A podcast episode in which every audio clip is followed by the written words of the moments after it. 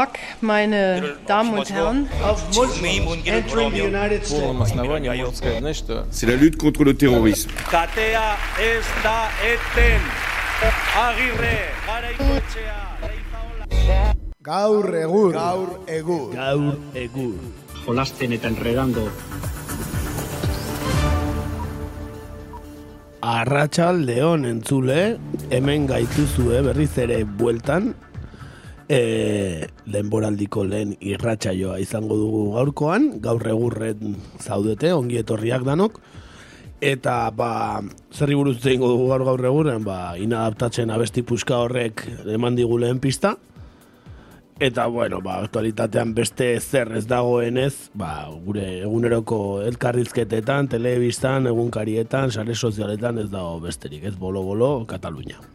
Hori da, bai, arratsaldeon guztioi, bai, eh, hemen gaude, ba, bueno, denboraldi honi hasiera emateko, eta esan bezala, ba, bueno, gaur Kataluniari buruz hitz egingo dugu, nola ez? Eh? Ez dugu, aurreko denboraldean ez genuen jorratu Kataluniako konturik, ez? Ez, ez, ez genuen, ez genuen ikutu gaia, eta, bueno, gauzak dauden moduan, eh, eta udara joan den moduan, ba, bueno, gaur desente eman digu, bai, gaurko saioa betetzeko. Hm?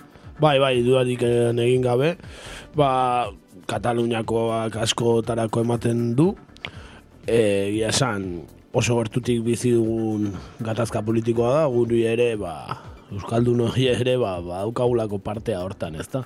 Nola bukatuko den batera edo bestera bukatu kontu guzti hau, ba, izango da Euskaldunentzako, ondore- ondorengo pausoentzako oinarri bat, ez? Dudari gabe, bai, onaino iristen da oi hartzuna eta eta oso garrantzitsua izango da bertan gertatuko dena. E, zentzu guztietan, ez da? E, bai Euskaldunontzat eta eta baita ere ba, Europako kontekstu horretan. Bai, bai, eta batez ere, ba, estaturi gabeko nazio hoientzat bai Europan, eta ba, batez ere, ba, Espainiar estatuan, ez? Ikusita Espainiarren jarrera, ba, zeo zer aldatuko baldin bada, Kataluniako kontu honekin, onerako aldatzen baldin bada, ba, ongi etorria, ez dakit, ba. Ikusiko bai. Ikusteko izango da. Hemen hasten da, ongi etorri, Hori da, arratsaldeon entzule, arratsaldeon bikote, bukatu dira oporrak, eta gogo bizi gatoz. luze, eh, oporrak, eh? Bai, aurtengoak luzeak izan dira. Eh, luze bezain mamitxoak. Bai, Azkena ekainaren emeretzian uste egin genula, azkeneko irratsaioa, eta, bueno, ja urriaren ama bederatzi dugu gaur, ba, dira, jabete batzuk, beraz, hori xe ongi etorri entzule, eta hemen daukazue gaur regur.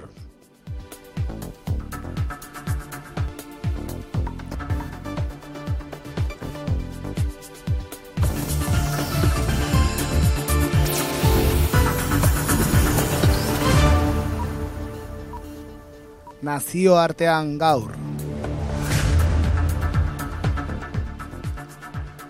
Bueno, pues como comentábamos, eh, no podía ser de otra manera. Hoy vamos a, vamos a abordar el tema de Cataluña. eh, el, bueno, el programa de hoy será un, un monográfico, me- mejor dicho, ¿no? sobre la, la situación Sí, en por eso Cataluña. hemos empezado con la cuña Nacio, Nacio Artean gaur, hoy no trataremos nada de Euskal Herria. Eso es, eh, no trataremos no suele solo ser lo hablar- habitual, pero pero es lo que tiene la actualidad, que queda para mucho esto de, de la movida catalana, ¿no? Eso es, eh, la excepcionalidad de lo que está ocurriendo, pues bueno, eh, nos, ha, nos ha llevado a hacer este monográfico. Y bueno, vamos a ir, eh, vamos a ir por partes y bueno, lo primero de todo, pues bueno, hemos pensado que, que antes de ceñirnos a, a la actualidad más inmediata eh, sobre Cataluña, pues era muy importante hacer un, un repaso de, de estos últimos años, pues para, para entender cuáles han sido los motivos que han derivado hasta la situación que vivimos eh, hoy en vísperas de una declaración de independencia de Cataluña. Unilateral, puede ser, ¿no? Efectivamente. Podemos decir que el punto de partida de esta última crisis de Estado es el Estatut de Autonomía de Cataluña que fue aprobado en el Parlamento catalán, así como por el Parlamento español en el año 2006, que acordaremos, nos acordaremos, hace ya casi 11 años. de Efectivamente. esto. Así es, eh, fue, bueno, aquel estatut fue sometido a referéndum eh, a iniciativa del entonces presidente de la Generalitat, Pascual Maragall, que pertenecía al Partido Socialista de Cataluña. Y bueno, fue apoyado por el 74% de los catalanes que fueron a votar, siendo la participación en aquella cita electoral del 48%. 48% solo, ¿eh? El nuevo estatut no estuvo exento de polémica, ya que la versión que se aprobó en el Parlamento español recortaba bastantes aspectos de la aprobada en el Parlamento catalán. Sobre todo en lo que se refería a la condición de nación de Cataluña, al capítulo de la financiación autonómica y a la gestión de infraestructuras. Entonces el Partido Popular recurrió el texto ante el Tribunal Constitucional y puso en marcha una espera que duraría hasta junio del año 2010. Cabe destacar que en el año 2006 el número de independentistas en Cataluña estaba estimado en un 13% según las encuestas. Dato subrayable, eh, visto lo que ocurre 11 años después. Bueno, durante los cinco años que tardó en llegar la resolución del Tribunal Constitucional, el Partido Popular jugó todas las cartas que estaban a su alcance. Tanto es así que cuatro de los 12 miembros que formaban el Tribunal Constitucional debían ser sustituidos en diciembre del año 2006, pero debido a la acción del Partido Popular no lo fueron hasta el año 2011, después de que se tumbara el estatut, teniendo lugar eh, de este modo la prórroga más larga de la historia de este, de este órgano judicial. Incluso un magistrado que falleció en ese plazo no fue sustituido. Hablando en términos futbolísticos, se puede decir que la prórroga duró hasta que el PP metió gol. ¿no? Así fue. En efecto, en junio del año 2010, pues el Tribunal Constitucional tumbó 14 artículos eh, del estatut. Durante la larga espera de la decisión del Tribunal Constitucional, los casos de corrupción de Convergencia y Unión empezaron a salir a la luz y la respuesta a esa injerencia sobre una decisión tomada en Cataluña se fue articulando. El 10 de julio del 2010 tuvo lugar una multitudinaria manifestación bajo el lema Som una nación, nosaltres decidim, que fue respaldada hasta por el Partido Socialista de Cataluña. Sí, para entonces el número de independentistas ya se situaba en el 28%, que era ya más del doble que solo cinco años antes. ¿Mm? La victoria con mayoría absoluta del Partido Popular en las elecciones generales del Estado español de 2011 y la consecuente ausencia de necesidad de Rajoy de pactar no hicieron más que alimentar el sentimiento de desafecto hacia España, Además, la gestión de la crisis económica realizada por el gobierno de Zapatero dejó al PSOE derrumbado también en Cataluña.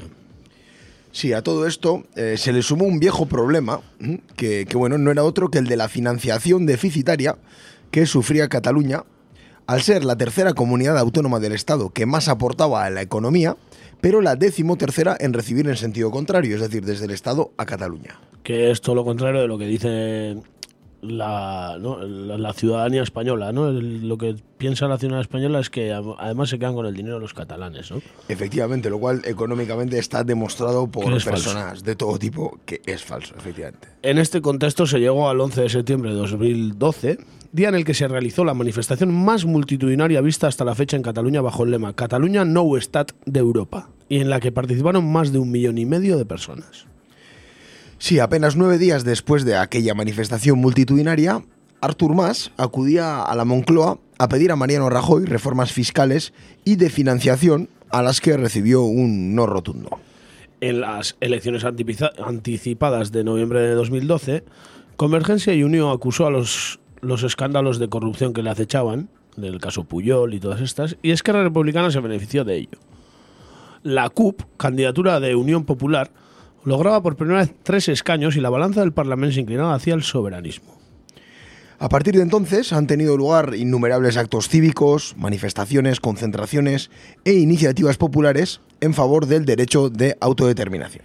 En septiembre de 2013 se organizó la Vía Catalana hacia la Independencia, una cadena humana de 400 kilómetros. En diciembre de ese mismo año se anunció una consulta popular sobre la independencia para la que el Parlamento solicitó la competencia. Todas las peticiones del Parlamento fueron tumbadas primero por el Parlamento español y después por el Tribunal Constitucional. En este contexto llegó la diada del año 2014 que coincidió casualmente con el tricentenario de la abolición de las instituciones catalanas. Eh, en esta diada se trazó en Barcelona una gigantesca V en la que tomaron parte alrededor de 1.800.000 personas según la Guardia Urbana de Barcelona. 15 días después, Artur Mas, con el apoyo de Convergencia y Unión, Esquerra Republicana y la CUP, aprobó la ley de consulta, con el fin de habilitar un marco legal para la convocatoria de un referéndum de autodeterminación. El Tribunal Constitucional tumbó esta iniciativa también y el Govern convocó para el día 9 de noviembre una consulta ciudadana no vinculante para que la sociedad catalana se pronunciase sobre estas dos preguntas. ¿Quieres que Cataluña sea un Estado? En caso afirmativo, ¿quieres que sea independiente? Tomaron parte 2.300.000 personas, de las cuales 1.860.000, un 80%, votaron a favor de un Estado independiente. Tras la consulta del 9N, se pone en marcha la creación de la coalición Junts pel Sí, apoyada por Esquerra Republicana y Convergencia, que se desprendió entonces de su histórico socio Unió, a raíz precisamente de las divergencias entre ambas fuerzas sobre el posicionamiento independentista. Esta coalición cuenta también con el apoyo de asociaciones culturales como Omnium Cultural o la Asamblea Nacional Catalana. Como es sabido, la CUP rechazó formar parte de esta coalición. Y en este contexto llegamos a las elecciones de septiembre del 2015, en las cuales Junts pel Sí pues no logró el apoyo esperado y dos factores de cambio irrumpieron en el Parlamento catalán. Por una parte, el histórico resultado de la CUP, que pasó de tener tres escaños a tener diez, y por otra parte, la no menos destacable irrupción de Cataluña sí que Spot, cercana a Podemos, con 11 escaños. El hecho de que Cataluña sí que Spot sea una fuerza no independentista favorable a una consulta supone un cambio importante en el tablero de juego que existía hasta entonces. Por su parte, la CUP hizo valer su resultado y, no sin polémica interna, vetó a Artur Mas en sus dos intentos de investidura como presidente. Finalmente, logró que una figura tan relevante dentro de la derecha nacionalista catalana como Artur Mas diera un paso a un lado y se designara a Carles Puigdemont como candidato a presidente. Puigdemont fue elegido presidente con los votos de Junts Sí y la CUP e y investido el 10 de enero de 2016. Puigdemont, que era alcalde de Girona en ese momento. Efectivamente. La relación entre ambas formaciones eh, no ha estado exenta de tensiones debido al gran abanico ideológico que en ella se ve representado y la CUP no apoyó los presupuestos de Junts pel Sí para el año 2016. Así, en julio del 2016 sale a la luz la existencia de la Operación Cataluña, una operación policial destinada a perjudicar el independentismo mediante información comprometida de miembros de Esquerra Republicana y Convergencia filtraciones a la prensa, la manipulación de datos o amenazas. Un, una operación Cataluña que podemos, hemos puesto en nuestro blog el documental sobre ello de las cloacas del Estado, Efectivamente. que lo podéis ver en cacainzona.eus, blogak, gaur egur bloga, ahí tenéis el documental si lo queréis ver. Eso es la versión completa de este documental. ¿Mm? Bueno, en la diada del año 2016 tuvo, bueno, tuvo lugar bajo el lema Apunt y se realizó de forma descentralizada en cinco puntos diferentes de la geografía catalana, donde tuvieron lugar multitudinarias manifestaciones. En este contexto, el presidente Puigdemont anuncia la celebración de un referéndum de autodeterminación para el año siguiente, este año. El Govern, con el apoyo de la CUP, empezó a redactar y llevar a votación las leyes necesarias para la celebración de un referéndum de autodeterminación vinculante y reconocido. Las leyes son refrendadas en el Parlamento por la mayoría independentista exi- existente. Pese a todo, esas leyes proclamadas por el Parlamento son sistemáticamente tumbadas por el Tribunal Constitucional español, pero el Govern anuncia que solo respetará la legitimidad del Parlamento catalán, ya que representa la soberanía del pueblo catalán. El 9 de junio de este mismo año se anuncia el referéndum de autodeterminación determinación vinculante para el 1 de octubre, el domingo pasado, y se hace pública la pregunta. ¿Quiere que sea un Estado independiente en forma de república? ¿Quiere que Cataluña, perdón, sea un Estado independiente en forma de república?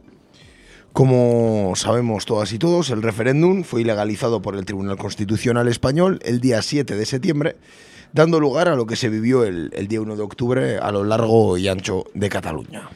Bueno, vemos que el problema catalán viene de lejos. También vemos que el número de independentistas ha subido exponencialmente en 10 años a causa de una razón muy simple. Es que el Estado español no acepta que Cataluña sea una nación. Efectivamente, ¿no? Al final, el, el problema de fondo de todo este asunto es que en el Estado español no existen mecanismos para el reconocimiento del derecho de autodeterminación, que es la clave del problema. Ni legalmente y por lo que se ha visto socialmente tampoco. Con lo que luego vienen pues gente que no quiere decir exactamente que no es una nación, dice nación cultural y términos banales que no valen para nada, para no aceptar que España no es una nación. Efectivamente, el problema básico es el aceptar que dentro de España se ubican varias naciones que en su día no fueron parte de España y que, según la legalidad internacional, tienen derecho al- a decidir libremente su futuro. Realmente, yo creo además que en toda esta vorágine que hemos vivido, ¿no? Eh, todo este verano, pues desde la declaración del referéndum al día de hoy mismo, eh, a este lunes de hoy, eh, el tema de los temas que menos se han debatido es precisamente el tema central, ¿no? El tema nuclear de toda esta historia, que es el derecho de autodeterminación y que es un derecho que en el extranjero ha sido respetado en muchos países. Por no comentar eh, Escocia, ¿no? Por no comentar Quebec o por no comentar otros países eh, pues como Montenegro o Kosovo, ¿no? Que han sido independientes en, en esta en este milenio, vamos a o, decir, la- ¿no? o los países del Báltico también. Efectivamente. O Lituania, Estonia. países que se han independizado relativamente hace poco y donde el derecho de autodeterminación se ha aplicado en Europa, ¿no? Sí, exactamente. Y todo esto sucede pues, pues, por eso mismo, ¿no? Porque el Estado español no tiene cultura democrática y pues lo de grande, una grande y libre está muy arraigado en la sociedad española y no solo los de derechas. Efectivamente, ¿no? Luego ahí sí que es verdad que ha habido un, eh, una, pues bueno, una representación, ¿no? De los partidos de izquierdas, vamos a decir, más progresistas, ¿no? Del abanico político español, como pueden ser Izquierda Unida o Podemos, que se han mostrado favorables a una consulta pactada que el tiempo, en mi opinión, ha demostrado que es imposible, porque dos no pactan si uno no quiere, y, y no han dado otra alternativa cuando esa consulta pactada no ha existido. Es decir, se han limitado a decir eso constantemente, que la consulta tenía que ser pactada. Una vez más vemos que en España se decía que todo proyecto político es válido y que sin violencia todo proyecto político se puede llevar adelante hasta que ese proyecto político empieza en marcha sin violencia y entonces nos damos cuenta que era una falacia enorme, ¿no? Todo eso. Efectivamente, es más, todo proyecto, to- perdona, todo proyecto político es viable, en este caso además con violencia del Estado, es decir, solo ha habido violencia de un sentido, ¿no? Vamos a decir que no, las personas favorables al referéndum han sido violentadas por el Estado, pero ellas no han violentado a nadie. Bueno, han puesto unas urnas ilegales. eh, Es violentar la ley y el Estado ha de Derecho. violencia- ha violentado las conciencias de muchos, la verdad. La verdad es que, bueno, de todo se ha visto estos días, ¿no? Incluso, eh, bueno, volveremos luego a la manifestación que tuvo lugar eh, ayer en Barcelona, pero incluso se llegaron a leer carteles en los que ponía que una urna había hecho más daño que todos los atentados de ETA. Sí, por ejemplo. lo dicen ¿no? así, y, y a algunos les ha hecho más daño, la verdad. Efectivamente, efectivamente. Parece ser que la reacción ha venido en proporción, ¿no? Y luego, por otra parte, es verdad que es bastante curioso y bastante difícil de entender con el tiempo, ¿no? Echando la vista atrás de los últimos 10 años, cómo el gobierno español ha gestionado tan mal un problema que en un principio ni siquiera era un problema. Es decir, ¿cuál, cuál era a priori eh, el argumento o el fundamento para que Cataluña no gozara de un concierto económico como el que tiene la comunidad autónoma vasca, ¿no? O como el acuerdo económico que puede tener eh, la comunidad foral de Navarra con el Estado.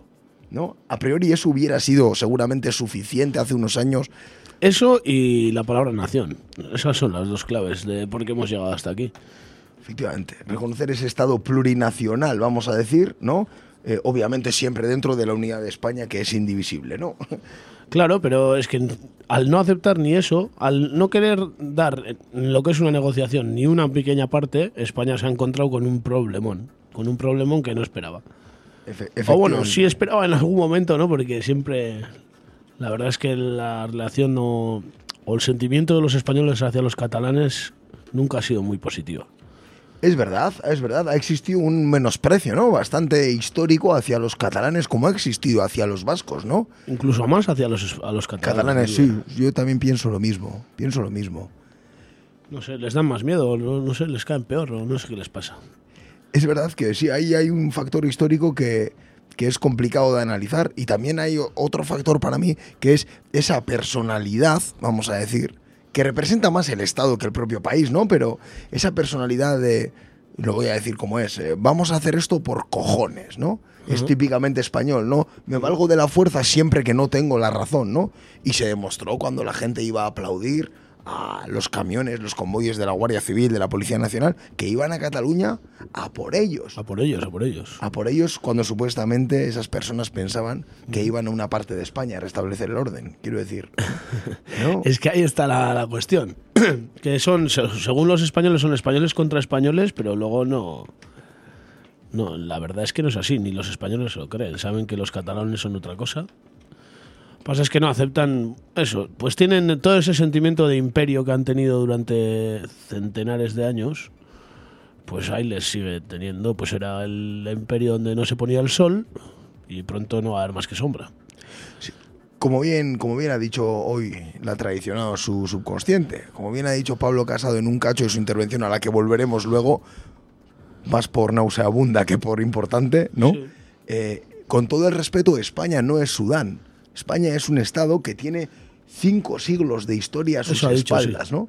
Y ahí está un poco el discurso de la España imperial, Pero en esos cinco siglos se le ha ido Colombia, se le ha ido Venezuela, se le ha ido Argentina, se le ha ido Cuba, se le ha ido Sáhara, se le ha ido Guinea Ecuatorial, se le ha ido Filipinas. Bueno, pues ciertamente lo único que han ganado, han perdido mucho, lo único que han ganado igual fue el islote de Perejil Sí, en aquella sí. gran intervención militar que ocurrió ¿no? hace ya Sí, unos sí. cuantos años. la verdad es que es el último gran logro de la Armada Militar, ¿no? Eh, de la Armada Española, ¿no?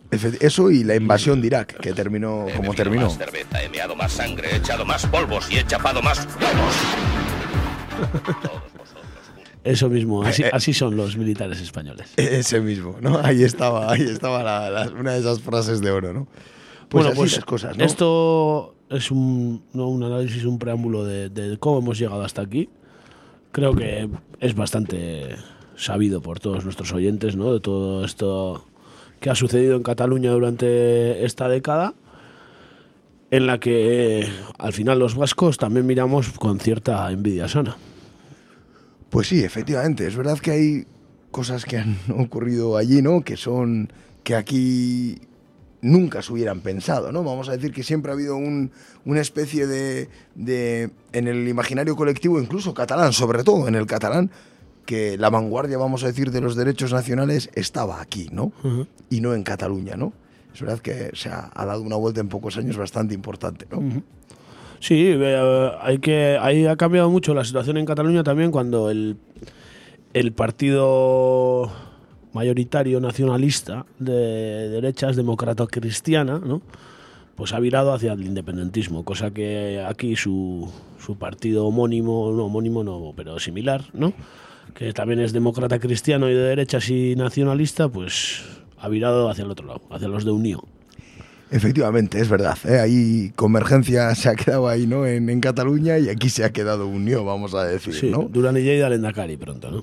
Efectivamente, ¿no? Hay- es verdad que es verdad que eso también hay que reconocérselo a- al gobierno al gobierno de España, ¿no? Que han conseguido que un partido tan tradicionalista y tan regionalista como ha sido CIU toda la vida, ¿no? Sí, sí, que ha, ha, ha votado en contra del plan Ibarreche, Sí, ha votado a favor de la ley de partidos. Un partido que no, no tenía ningún escrúpulo en aliarse con la derecha española para sacar su- adelante sus negocios, sus presupuestos, a costa de cualquier cosa. e- efectivamente, ¿no? Nunca habían tenido ningún prejuicio antidemocrático, vamos a decir, ¿no? En este aspecto. Y han conseguido que ese partido sufra una metamorfosis y acabe siendo lo que, lo que hoy representa, ¿no? Parte por lo menos de ese partido, lo que hoy representa Carles Puigdemont, ¿no? Que es Sí. un compromiso con la independencia bastante, vamos, inequívoco, ¿no? Por lo que, por lo que parece, ¿no? Pero que además. Además, ha, ha- ha sido ahora, ahora, según las encuestas, es el tercer partido de Cataluña. ¿eh? Efe- efectivamente. El, el mismo partido de- de- del honorable Puyol y de toda esta gente. ¿eh? Así es, ¿no? Así es. Es más, incluso el, el propio Carles Puigdemont, hace poco en una entrevista que tuvo mucho eco, que se le hizo en, en la sexta, si no me equivoco, declaró que él toda la vida había sido independentista, pero que siempre había sido minoría dentro de su partido y que además aceptaba que venía de un partido sin tradición independentista. O sea, Ojalá escuchamos a Guibar decir algo así alguna vez. a Guiber eh, se le puede escuchar cualquier cosa, sí, ¿verdad? la verdad ¿No? es que Guibar, no, por, por decir, dice muchas cosas, la verdad. Demasiadas. Demokrazia irabazi du zeren eta porcentaj eh, urnetara joan diren euskaldunak, eskotarrak oso altua izan, izan da. Bueno, un, un gran análisis de sobre el 1 de octubre, ¿no? Es verdad, no me acordaba que aquí tenemos a, es verdad, a un gran, a un gran demócrata y un gran filósofo como es don, don Carlos Iturgaiz, ¿no? Sí, exactamente. Una vanguardia, una vanguardia en la, en la cultura política vasca, la verdad. Sí, sí. Bueno, pronto, me, me han dicho que va a dar pronto, eh, está dando conferencias en Yale y en Harvard, es sobre un tema de botones, de cómo apretar un botón cuando no Oh. está, es un máster que hay ahora en esas Yo, universidades. yo cuando, cuando, si un día Euskal Herria es independiente o Navarra o lo que quieras, para que haya de nuevo una unión entre vascos y, y dure la armonía y la paz, mandaría a Iturgaiz a Eurovisión, el primer representante, tocando el acordeón. ¿Qué te parece? Fenomenal, cuenta con mi voto y con, Sería el- ahí. y con mi mensaje de texto la noche del evento. yo, yo voy a votar por él, eso tenlo claro. bueno, antes de seguir divagando ya de chorradas con Carlos Iturgaiz, pues ponemos una canción, hacemos una breve pausa y volvemos ya a hablar lo que fue el 1 de octubre y las siguientes semanas. Eso es, pasaremos con Albert Pla, un humorista, cantautor, cómico, un crack, vamos a decir. Y este también pues tuvo su detalle, hizo una pequeña apuesta con unos amigos con la que escribió una canción o una parodia y, y les dijo así a los amigos, me dais 50 euros si la prensa nacional española se la cree. Y la gente se lo creyó y la prensa española publicó como que Albert Pla estaba en contra de la independencia. Y bueno, es una canción o, un- o una poesía o no sé qué es. Es algo bastante irónico y bastante gracioso. Pero no pierdan ningún detalle. Adelante, ahí. Ya nadie está para canciones, y más con la que nos está cayendo a los catalanes que también nos sentimos españoles. Tengo el corazón partido, me duele el alma, no entiendo nada. Me siento como el patufet debajo de la col, siendo devorado por el buey del independentismo. Son pocos, pero cantan muy fuerte y sus cantos me están volviendo sordo de recuerdos, de recuerdos de mi juventud, de retales de mi infancia. Aún me reconozco, no hace tanto tiempo, como un joven lleno de sueños, paseando por las ramblas con amigos míos de Madrid, hablando en castellano, sin que nadie te insultara por la calle. Recuerdo que entonces esa Barcelona era la más bonita del mundo, la Barcelona de Juan Marsé, de Gil de Viemma, de Vargas Llosa y de tantos otros catalanes.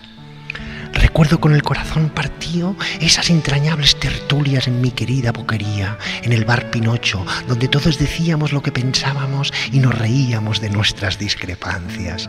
Pero ahora mis antiguos amigos se sientan en el taburete más alto acallando a los demás. Nos han vuelto chiquitos, nos tratan como a niños. Por favor, ¿podéis bajar la música? Y yo les digo, que me siento orgulloso de ser niño, me niego a perder mi infancia. Aún recuerdo cuando mi madre, antes de acostarse, me cantaba El noi de la mare y después me ponía fina estampa de María Dolores Pradera. Me dormía agarrado a su mano, sabiéndome el niño más listo del mundo, porque mi madre me decía que yo hablaba dos idiomas y que el resto de los niños del mundo solo hablaban una.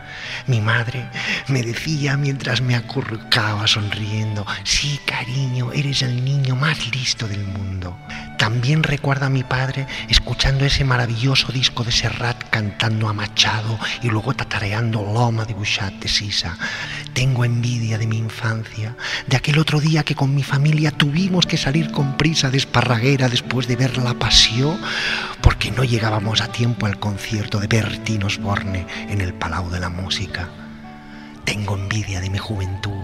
Recuerdo como si fuera hoy a Maragall al lado del presidente español remando juntos en una barquita chiquita rumbo al gran puerto de las Olimpiadas que presentó al mundo una Cataluña y una España impensable 20 años antes. Pero ahora esta barca también se hunde. Socorre, me hago, por favor, ¿queréis bajar la música?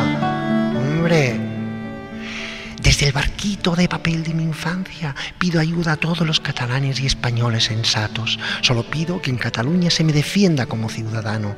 No confío mucho en Rajoy, aunque reconozco que ha sorteado la crisis económica con notable habilidad. Pero también creo que tal vez no ha gestionado bien la problemática de Cataluña. Creo que la situación actual reclama que otros políticos más sensatos como Pedro Sánchez deben liderar ahora serenamente y sin prisas, sobre todo sin prisas, una respuesta dialogada con el presidente catalán, que aunque mande en minoría, si sumas el voto de todos los catalanes, sigue siendo el presidente de Cataluña. No queremos tener más privilegios que cualquiera de las otras regiones de España, pero ¿os imagináis la maravilla que sería que también pudiéramos ver a los españoles algún día saliendo de los toros con prisa para poder disfrutar dels pastorets? Con lágrimas en los ojos y el corazón partido se despide Albert Pla, ciudadano del mundo. La música, cuñones. Y pues nada, ya veis que yo respeto a todo el mundo. Pero si alguien no está de acuerdo conmigo, pues ala, llamo a la Guardia Civil. Guardia, guardia.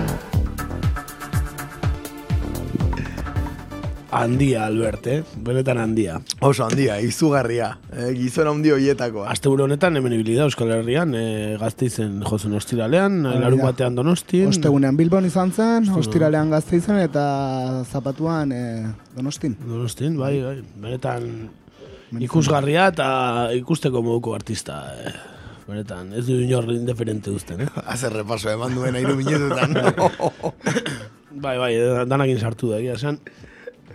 Beno, ba, goazen urriak bateko egunak eman zuenera, e, ikusi ditugu bideoak, ikusi dugu ba, nola sartu den Guardia Zibila, nola sartu zen eskola desberdinetan, ikusi ditugu argazkiak eta irudiak, ba, edade bateko ja jendea odoletan, umei jotzen, bueno, danetikan, ez, benetan, Bueno, ba, Espainiar estatuaren muskulo demokratikoa ondo erakusten ditu, duten irudiak, eh? E, ikusi genituen. Eta pixkate, numerotara joz, esan behar dugu, ba, errolda bos milioi irure mila pertsonakoa zela, Eta parte hartzea 2 milioi eta, ber, eta ia irureun mila, berreunda laro gehi mila tigorakoa izan zela, euneko berro eta iruak hartu zuen parte, gogoratu, estatuta, debekatu zen estatuta da horrela eta zen, hor- atera etzen horrek, berrogeita, euneko berrogeita zortziak bozkatu zuela, eh? bost puntu berago bakarrik. Kondizio normaletan eta Hori eh, ez, eh, estatuko instituzioek ere behaien baimena eman, ez ez? Ba, bai, eta PSC-koek ere bozkatuz, eta bar. Hala izan zen, bai, balio dunak hori esan bezala, ba, 2 milioi berreunda irurogeita bos mila pasatxo izan ziren, eta nuloak e, hogei mila ingurukoak, bai? Baiezkoak euneko laro marra izan ziren, 2 milioiti gora, esan dugu aurreko egin ziren aurreko erreferendum hartan, bederatzi N izan zen ura, ez? 9 noviembre edo. Azara bai. bederatziko ura, han milioi bat zortzirun mila izan zirela baiezkoak, beraz, oraindik gorago, ia berreun mila bozka gehiago baiezkoak izan ditu, e, aurtengo erreferendumen. Hala izan da, eta ez ezkoa, ba, euneko zazpikoma laro gehi pasatxo, bai? E, e, zenbakitan, ba, eun da laro gehi mila bozka inguru, eh, izan ziren ez ezkoak. Eta zuriak, ba, berrogeita bos milara ia ziren iritsi, baina ia ia. Euneko bat koma larogeita mezortziak, zuriak. Beraz Beraz- hori, ez? Hori e, pixkat, e, ba, bueno, ez? Egondan, e, egon diren portzentaiak, esan dezakegu euneko e, berrogeiak, ez? Boska eskubida zuen euneko berrogeiak, baiezkoaren alde egin zuela, ez? Hori da, hori da. Euneko berrogeiak edo baiezkoaren alde. ez? Gizarte Euneko un- berrogeita irua bozkatu zuen, da esaten dute parte hartze txikia dela, kontuan eduki behar da nolako egoeran izan denen. Eta kontuan eduki behar da, erabateko lege estapen guztiak zituen estatuta hartan, euneko berrogeita zortziak bozkatu zuela, eh? Bost puntu, bost puntu gehiago bakarrik, eh? Gogora ezagun Europako Konstituzioa euneko berrogeita biko partizipazioarekin, onortu egin zala eta, eta ederki funtzionatzen duela. Hm? Aha, hori da. Orduan, ba, beno, e, datuak ez, ba, beti esaten dute, ba, baino erdiak bakarrik hartzen du parte, bestea, bueno, ikusten da, bestela ere parte hartu zutenak ere erdia baino gutxiago zirela, beraz. Ez da, ba, ez da argumentu, balizko argumentua hori. Zeren, ez ezkoek ere bozkatu zuten gutxik, baina bozkatu zuten. Hala izan zen, bai? Edo zeinek bozkatu dezake. Orduan, hor, hori da ara- arazoa, hor dago. Orduan, orain zein zer egingo duen gobernuak, ba, bera ikusiko du, baina dirudienez independentzia aldarrikatuko du. Bai, Bere datuak hori ematen diotelako.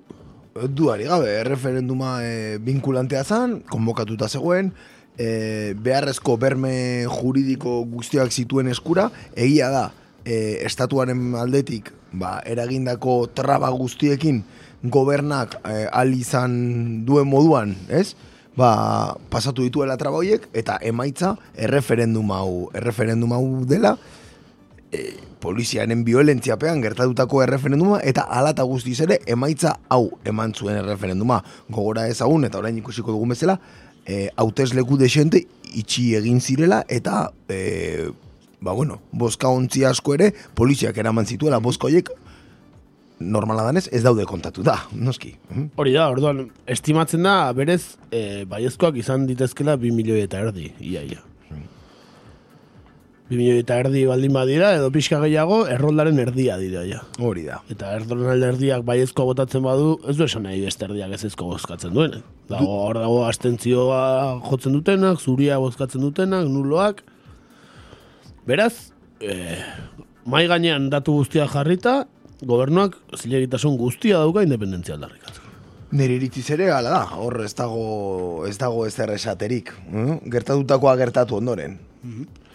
Orduan, e, urriak batera joz, han gertatutakoak ikusi ditugu alde guztietatik, batez ere irudi polemikoenak edo harrigarrienak. Guk, e, bueno, kronika lasaiago bat ekarri dugu, argiako zuzendaria den estitxu eizagirreren kronika ekarri dugu. Ba, pixkat beste ikuspedontu batetik ikusteko urriak batekoa, ez? Bakarrik golpeak eta eta zaurituen irudiak bakarrik, baizik eta ba, egon zen bestelakoa ere. Eta ez hori bakarrik, zeren zu bertan izan zinen.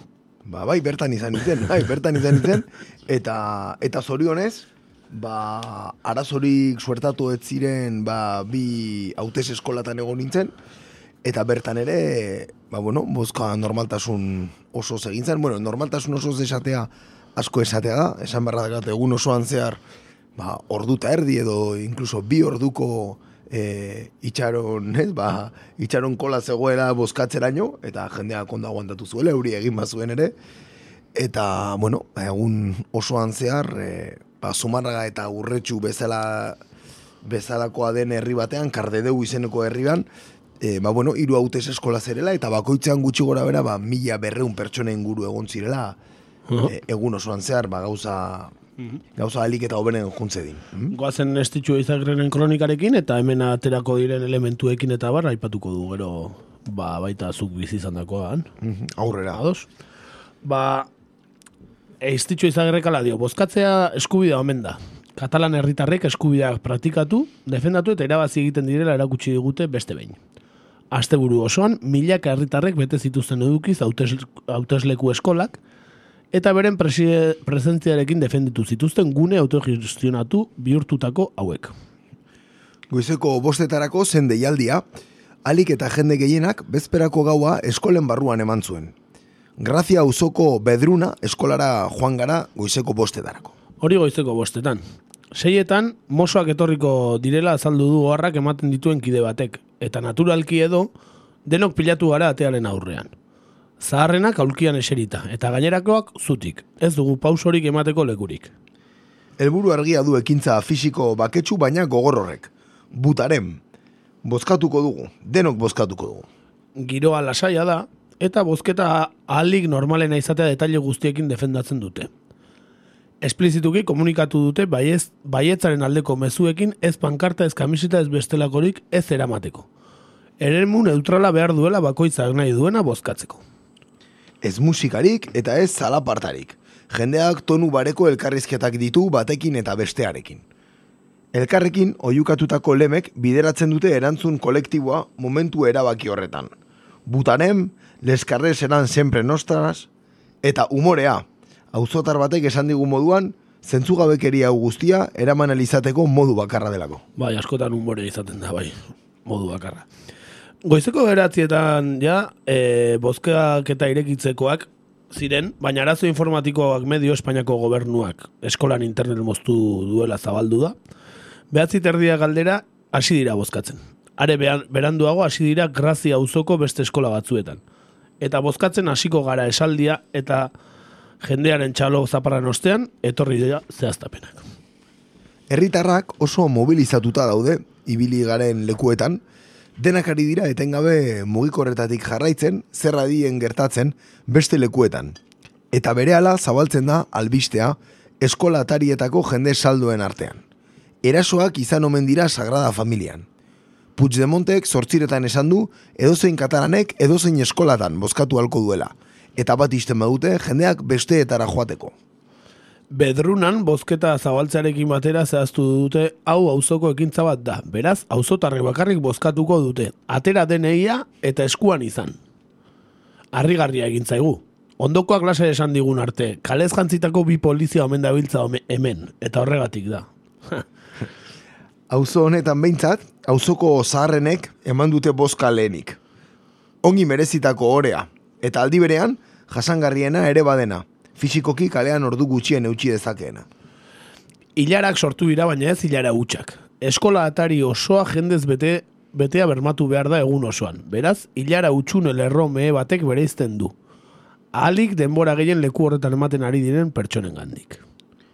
Jende gazteagoaren txanda iritsi denean, bozkatuta ateratzen direlarik, mezu hau zabaltzen dute eskolaren defentsan ari diren herritarrek. Tonu lasaian, errespetuz, eta konplizidadea bilatuz. Ez zaitezte joan, lortu behar dugu denek bozkatu izatea. Gelditu bertan, importantea da. Zortzirak arte eutxi egin behar diogu. Beste eskola batzuek ikustera joatea erabaki dugu. Bedrunako ustera goazela konturatu gara goizeko bostetan ezagutu dugun jende multzoa nola biderkatu den. Arrituta gaude. Ederki kosta zaigu eskola ataritik ateratzea. Eta jende hilarak eta konzentrazioak ez du asko falta kale paraleloan dagoen reina biolan eskolako jende saldoarekin bat egiteko. Egun osoa gogoratu gara. Nola ote daude bedrunakoak. Gu batera eta bestera ebilita, txikituta bagaude, bostetatik bertan kieto, eutxi halko diote zortzirak arte.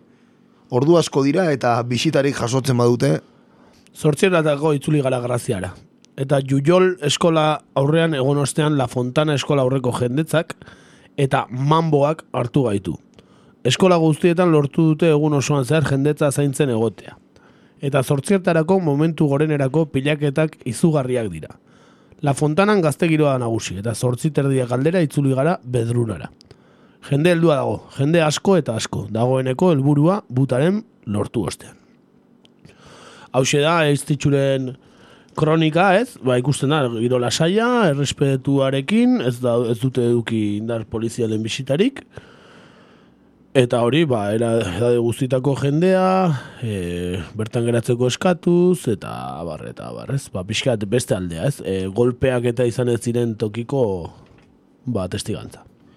Hori da, bai, egi esan e, estitxuren, e, ba, bueno, testigantza, eta nik bizi izan nuena oso, oso parekoak dira, bai, jende oso antolatua, oso antolakuntza zehatza, e, inkluso milimetrikoa, bai, bozketa guneetan, egon beharreko jarrerataz, e, esan bezala eremu neutralak mantenduz, inungo konsignari gabe, eta lasaitasuna. Eta oso autogestionatuak, ez? Bai. Nik irakurri dut, igual, e, Guardia Zibila pasa, internetak kendu, eta ja, bizilaguna kablea botatzen bere etxeko internetetik egiteko, ezakize, ez? Ba, momentuz, momentuko erabakiak hartzen, eta gauzak aurrera ateratzen, ez? Duari gabe, bai, eta jende asko prest, eserita, goizeko lauretatik, gu goizeko lauretan joan ginen, eta arratsaldeko sortziretan, bak, bueno, goizeko lauretan kafe hartzen egun ginen pertsona berek han jarraitzen zuten, ez? Jende heldua kasu askotan, mota guztietako jendea, ideologi guztietako jendea, zegoen bertan, eta egi esan antolakuntzak e, atentzioa deitzen zuen, eta beraien arteko komunikazio tresnak ere, mugikorrak, e, aplikazio di- desberdinak, e, ze ondo funtzionatzen zuten, arrit, benetan harrigarria, bai. Egia esan, e, eskola hauetan etzan egon, zu egon zinenetan ez ditxuk dion hauetan ere etzan poliziari joan, naiz eta kalez jantzitakoren bat, ba, mentzegoen. Bai. E, baina beste batzutara joan ziren. Eta e, gobernuak izan zuen koksinetako bat, edo ala dirudi, zan, e, e, nola da, e, politikari garrantzitsuenak edo bozkatzen zuten eskolak iztea. Ez zuten nahi Puigdemont botaz- bozkatzen agertu zedin, ez Junkeras agertu zedin, ez beste batzuk agertu zitezen ez e, bozkaketa egiten, ez? Bai, egia esan hor egon, egon datu bat nahiko e, signifikatiboa eta nahiko bitxia hasiera batean, eta zan nola oso herri txikietara, bai, Guardia Zibil eta polizia kontingente oso handiak bidali zituzten, bai. Adibidez, e, e, jeidan, bai, egun da berrogeita mar biztanleko herri baten, berrogeita mar Guardia Zibil bidali zituzten, eta, bueno, historia handiak egon ziren, jende herri guztia egurtu zuten, bai. Eta nik hasiera batean niretzat pentsatzen nuen zergaitik herri hoietara jun eta ez hiriburuetan dauden, ez? Ba, hautez eskolatara. Eta ondoren esan ziaten, e, generalitateko kontseiari guztien jaioterriak aukeratu zituztela, bertara juteko eta irudi hori edo mezu hori beraiei pasatzeko. Eta hala izan zen, bai? Generalitateko kontseiari guztiak hartu eta beraien jaioterritan polizia jun eta hauteslekuak itxi zituen. Uh Puigdemontek adibidez, badakigu bozkatu hartzuen eskolan etzuela bozkatu, beste batean hortik amar kilometrora bozkatu zuela, eta gainera, zubi batean, autobia bateko azpiko zubian egin zuen kotxe aldaketa, eh, ematen du, eh, pelikuletan bezala, hor egin zuen kotxe aldaketa, ez, ez zeren jarraitzen, eh, helikopteroz jarraitzen ari zidan, eh, bere kotxea, eta kotxe aldaketa egin zuen da juntzan beste eskola batea bozkatzera, ez? Pentsa ez, ez estremotara eh? Ba, bai, ba, bai, eta egia da Puigdemonten boska azaldu izanak normalidade puntu bat eman ziola, ez? Egunari, eta Junkerasen irudi horrek ere, ez? Eh, ba, bueno, ekidin ezin izan zuten irudi bat izan zen, ez? Azkenean, Bai, ez? bai. Uste, e, zentxo unibertsalarena ez zutela espero inundik inora Espainiarrek. Eta benetako, ba, benetako hori, mangatik ateratako karta borobila izan zela katalanen aldetik. Dudari gabe, zentzu unibertsalarena oso, bez, eh, hor asko oso asmatu egin zuten, eh, Bai, sistema hori jarriz, eta sistema hori erasotzen egon ziren etengabe. Lehenengo ordutik, ja, goizeko zazpiretarako, eh, ba bueno, arazo pilo bat, eta hor ere, jende pilo bat, informatikari pilo bat, laguntzen, boskaketa zentroetan, berriro sistema jartzeko, eta jendeak boskatu altzedin, eh, ba bueno, altzuten guztia eginez, ez? Hori Eta haute sontziak ere, ez? Zenbat ibili diren autosontzien bila eta egon dira, autosontziak egon dira azkenean. Jakin izan da, e, iparraldetik ekar, ekarri zituztela ez, Katalunia Nord esaten danetik, ez estatu frantzeseko Kataluniatik, eta jendea elatu furgonetetan, eta abar, e, banatzen, e, bueno, ba, herritarrak banatzen ez, lan, hart, lan hori hartu, eta banatzen, eta jendeak beraien etxean, beraien eskolako haute sontzia gordetzen, gero egunean bertan eramateko, eta bar, ez, ondo antolatutakoa, eta oso zaila hori ekiditen horrela antolatuta gainera. Dura, dudari gabe, bai, e, egia da, gero, momentu batzutan nire buruarentzat pentsatzen nuela, egoera hau guzti izkafkianoa da, ez? Hemen gabe, mila berreun pertsona jasotzeko prest, eta gaude barruan dagoen plastikozko tuperbare hori defendatzen, ez? Esan nahi dut, jende askok hori baina askoz gehiago bada, ez? Baina momentu batzutan nik barruraka behitzen nuen eta esaten nuen. Ostra, hemen gaude gure burua, ez? Txikitzeko prest, hori salbatzaren alde, ez? Ekarri dituzten lau tuperbare horiek salbatzeko prest, ez? Eta jendearen noski eskubidea salbatzeko prest, ez? Baina bai, egia da oso, oso guera bitxia zala, ez? Dudarik ez. E, jaleo asko egon ziren, e, poliziarekin, toki askotan ikusi ditugu, audio batzuk ekarri ditugu pixka behintzat e, kontestuan sartzeko, ez? Adibidez lehenengoa, ez da asko entzuten, bulla besterik ez dira, baina bueno, horrelako asko izan ziren Katalunian. Hermano, qué miedo.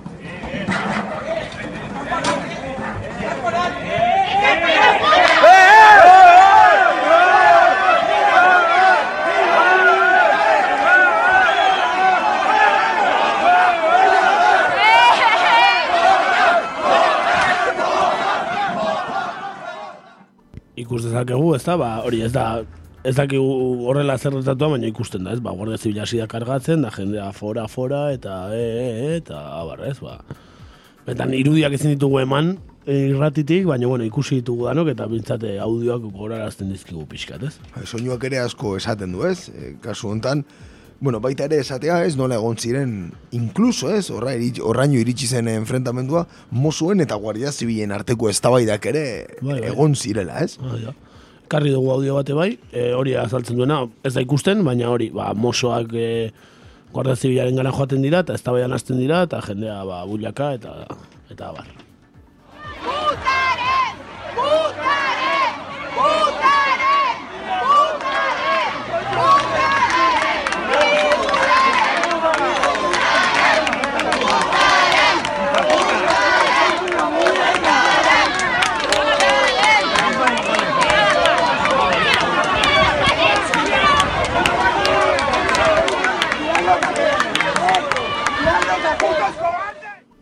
Bueno, horrelakoak milaka, izan ziren e, Bartzelonan urriaren batean. E, zenbakitan nadirazteko, 2000 irureunda amabost hautesleku zeuden, eta horietatik irureunda emeretzi itxi zituen Guardia Zibilak eta Polizia Nazionalak. Hala izan zen, bai, e, zaurituei dagokienez, ez? Zauritien, e, zaurituen kopuru ofiziala, ba, sortzireun dalaro gehieta mairukoa, e, izan zen, e, ba, boskatzea juntzirenen artean, eta Espainiako barne ministerioak dioenez, polizi zaurituak larun da hogeita maika Ez agin hundik atera. izan ziren. E, kontuan eduki behar da, zauritu hauetan kontatzen direnean zauritu hauek askotan izaten direla eskumuturreko tendinitisa, eta horrela, eh? Kasu Por, porrarekin astintzen ebilita gero, astebete bajan tendinitisa daukat eskumuturrean, eta orduan polizia zauritu dare, bai, eh? Desde luego batek baino gehiago tendinitisa izateko boleto asko zituen, ez? E, gutxin artean egur asko eman zan. Eta egia esan, ez dut uste zauritutako poliziak jendearen erantzunaren gatik izango zirenik. Desde luego, bideo oso oso gutxitan ikusten da jendea beraiei e, fisikoki zerbait egiten, ez? Beraien artean ere eman dira. Bai, Baten baita ere. baten. Ere ikusi da, bai. Ikusi da, ez? Ikusi gabeko... Bai, Jo eta jo eta azkenean zure jefeari jo ere, ez? Era bat ez zitatuta zeuden gainea, eh, poliziak, eh, ikuste zen, eh? Nahiko modu susmagarrian gaina. Bai, bai. Hor utziko dugu. Eta, bueno, ba, horra izan zen ur, urriak bateko guzti hori, ezta? E, ba, piolinen barku eta guzti. E, eta gero ondorengo erreakzioak etorri ziren, ez? Eta ur, urrengo astean, ba, erreakzio asko izan ziren, telebistaren bitartez, gehienak diskurtsoak izan ziren, eta diskurtsoen astea izan genuen.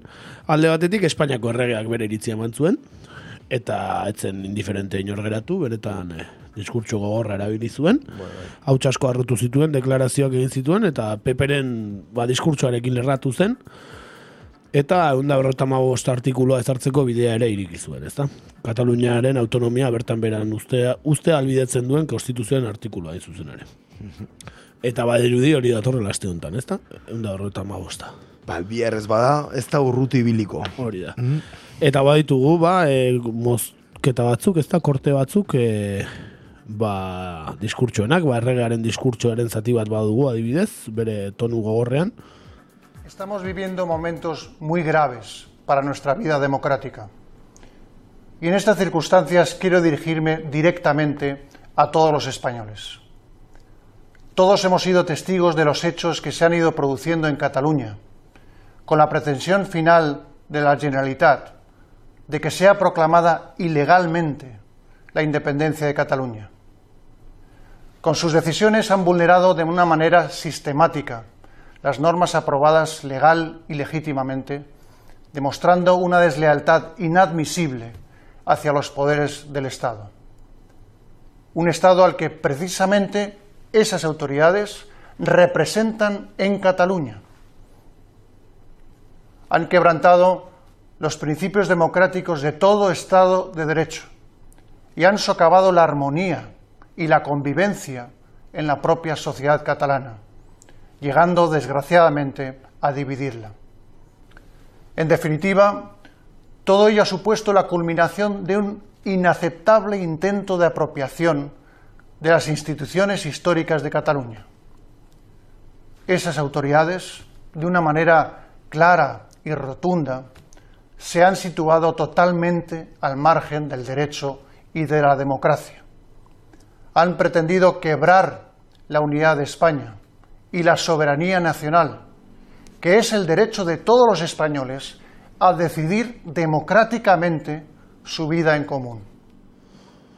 Bueno, hor ikusten dugu berriro ere ez, el derecho de todos los españoles, ¿no? de la nación española, eh, de decidir lo, en comunes, ba, hori, ba, Katalunia ez la nazioa, berriz ere, erregeak eh, ondo nabarmentzen du hori, eta, ba, hori, tono gogorra benetan, eta, bueno, ba, ba, bueno, Espainiar erregaretaz ez genuen ez, pero besterik ez, urkulu bai, adibidez, urkulu esatezuen erregeak bitartekari lan egin zituela, ba, bueno, ikusten da urkullu ondo, ondo, estrategia ona zeuken urkullu.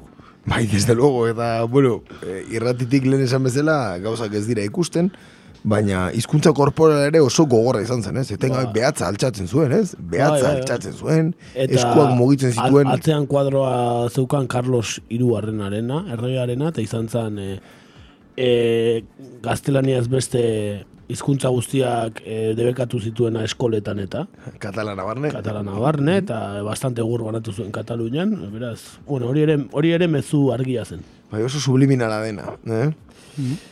Bueno, esan ere, e, ba, bueno, diskurtsoen astea ez, izan zen e, pasadan hau, eta Puigdemontek ere, ba, bueno, erregari erantzunez, e, urrengo, urrengo egunean beste deklarazio instituzional bat egin zuen, e, honek ere telebistaz e, egin zuen. Ekarri dugu zati bat, e, zehazki gazteleraz egiten duena Espainia rei zuzen du. Por eso quiero dirigirme a los ciudadanos españoles que en estos días han expresado su compromiso con las demandas de los catalanes. Ciudadanos que nos han enviado su amistad y su solidaridad muy valiosa en estos momentos que estamos viviendo. Seguramente las autoridades españolas deberían explicar mejor lo que ocurre en Cataluña, con visiones más ponderadas que ayudaran a entender un problema político que sabemos que es complejo. Sin embargo, agradezco el esfuerzo que nos consta directamente de mucha gente para acompañar al pueblo catalán en sus reivindicaciones. Somos un solo pueblo que ama las lenguas que habla, que no tiene ningún problema con las identidades, las nacionalidades y las culturas y que quiere continuar contribuyendo al desarrollo del Estado español y que jamás va a prescindir de la enorme riqueza que representa la pluralidad. bueno, diskurtso era bat ezberdina, anistasunean oinarritua, maita, izkuntzekiko maitasunean, errespetuan, askoz tono bajuagoa, ez? Bai, to, to, askoz toleranteagoa da diskurtsoa eta tonoa bera askoz malguagoa, ez? Bai, eta esaten dugun hizkuntza ez berbal hortan ere, atzean ate bat irikita.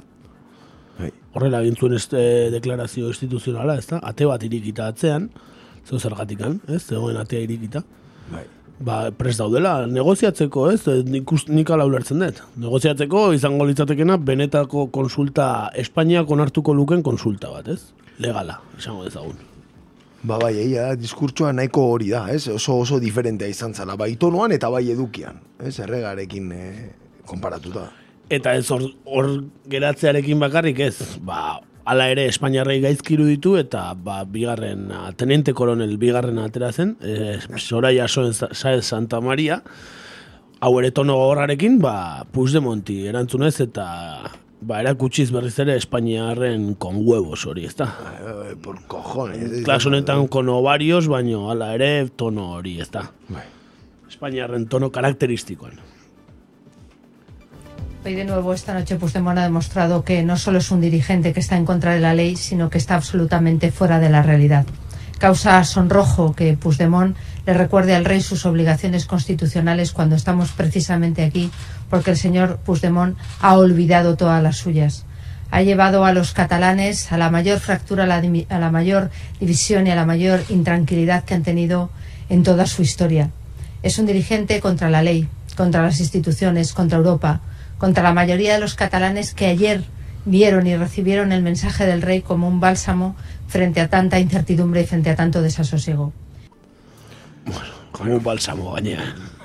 Balsamo de tigre. De tigre, da. Bueno, ba, horixe, ez, Espainiarrak berean, eta, eta, bueno, ba, tono oso gogorrean, euli bat dugu hemen eh, agarra jotzen. Bai, ez dakigu... Espainiarra izango da eulia. Bai, ez dakigu erregaren diskurtsaren ari da zen gerturatu den, edo ez? Erregaren espia izango da, Bai. baina agarra jotzen ari zegu. Bai, hemen ba, programa osoa guri. Baina, beno, eh, horixe, ba, diskurtsoen astea izan da, eta katalanen aldetik diskurtsu ba, tono bajukoa, e, respetuarekin, e, respetua eskatuz, eta Espainiarrena, ba, hori. Ba, ez dute diskurtsoan ja porra erabiltzen, ba, ez zailako komeni. Naiz eta erregearen atzean ere, e, kuadroko erregeak porra bat zeuken eusken. Hori da, hori dena oso karakteristiko izan Eta zen, ematen du, ba, ba hor egon gozala eta besterik gabe, keba, keba, Prado museotik eraman zuten espreski egun hortarako, eh? beraz, behitu zenbatera joko garrantzia daukan atzean kuadro horrekin ateratzeak. Eh? Nolako premeditazioa dagoen horren horren atzean, ez? Bai, bai, ikaragarria. E, bueno, esaldi baten edo eslogan baten, ez? Ba, itzuli beharko bagenuke erreiaren diskursoa, nik aporello soeo, eh, jarriko nuke, ez? Osa, esan nahi dut horrela, ez? Izan zen oso, oso grafikoa, ez? De, Bai, bai. Esan zuen Bai, bai, guztia. todos con la roja, ez? Guardia Zibila igual gorriz jantzen hasi beharko da, igual, ez? Hori da. dan, dana bat egiteko, ez? Selekzioa eta, Bai, eta polizia eta dana... Ondo Espainia hartzeko. Antes roja que rota. Hori da, hori da. Hala Bien. esan zuten dala ematen du, eh? Nahi dutela. Bueno, eta ez, egia e, diskurtso aste honen ondoren, ba, bueno, Puigdemonten eh, parlamentuko, ez, ba, adierazpen, ez, itxaroten ari den adierazpen hori. Bai, alde bakarreko independentzia aldarrikapena, ez da? Hori da, ba, bueno, biharrea, ez, atzeratu da, e, ikusteko, bueno, a, ikusiko dugu zer ematen du den, ez? biharko izango dela, Carles, Carles Puigdemonte generaliteko presidenteak eh, Baskoren ustez aldabakarreko independentzia darrikapena egingo duela. Bihar, eta gainera ba, ANC-ek eta Omiun Kulturalek eta ba, eskatu dute herritarrei eh, parlamentura joan daitezen, kanpo kaldera, zeren aurre ikusten dute eh, agian ba, Guardia Zibila eta Polizia joango dela parlamentura, pa, parlamentuan eh, adirazpen hori ez egitera. Hori da, bai, hori da usaintzen dana, ez? E, giroan, gero formula horra irean dago oraindik, ez? Ez dakigu oraindik nola izango dan, ze formato ukiko duen, ez? Independentzia aldarrikape horrek, aldarrikapen horrek. Baina gertatuko dela nahiko argi dago, ez? Biharria hori gertatuko dela. Hori da, orduan, bai baina nolakoa ez galdetzen dute batzuk, erreferendumako, erreferendumerako legeak dio bozketaren kontaketa ofiziala egin eta berrogeta ziortzu ordura Kataluniako legebiltzarrak aldarrika dezakela independentzia. Ostiralean egin ziren ofizial emaitza horiek, beraz, ba, bihar egin dezakete independentziaren aldarrikapena. Hala da. Mugimendu soberanistan, ba, bueno, asko izan dira, e, independentzia lehen bailen, aldarrikatzaren alde, aldekoak. Bestak beste horrela, e, egungo autonomiaren agintegune garrantzitsuak generalitatearen e, esku gera daitezen. Eskerra Republikanak eta Kupek horren alde egin dute, lehenak korridore artean ez haino zen, eta bigarrenak edabideetan ere argia azalduz. Aurreko asteburuko usaina e, hori zen Bartzelonan. ANC, Aso- Asamblea Nacional de Cataluña, e, lendakaria den Jordi Sánchezek, ere argi adirazi zuen urriaren bataren gauean jendetzaren aurrean egindako ekitaldian audio ekarri dugu eta esan zion Puigdemonti ez fallatzeko. Ho esperem tot del seu compromís. President, no ens fallis. President, venen moments transcendentals en la història d'aquest país. Esperem que el teu compromís i el del teu govern, començant pel vicepresident Junqueras, ens permeti veure ben aviat, des de les nostres institucions nacionals, defensar el naixement d'una nova república catalana, lliure entre el concert de les nacions lliures del món.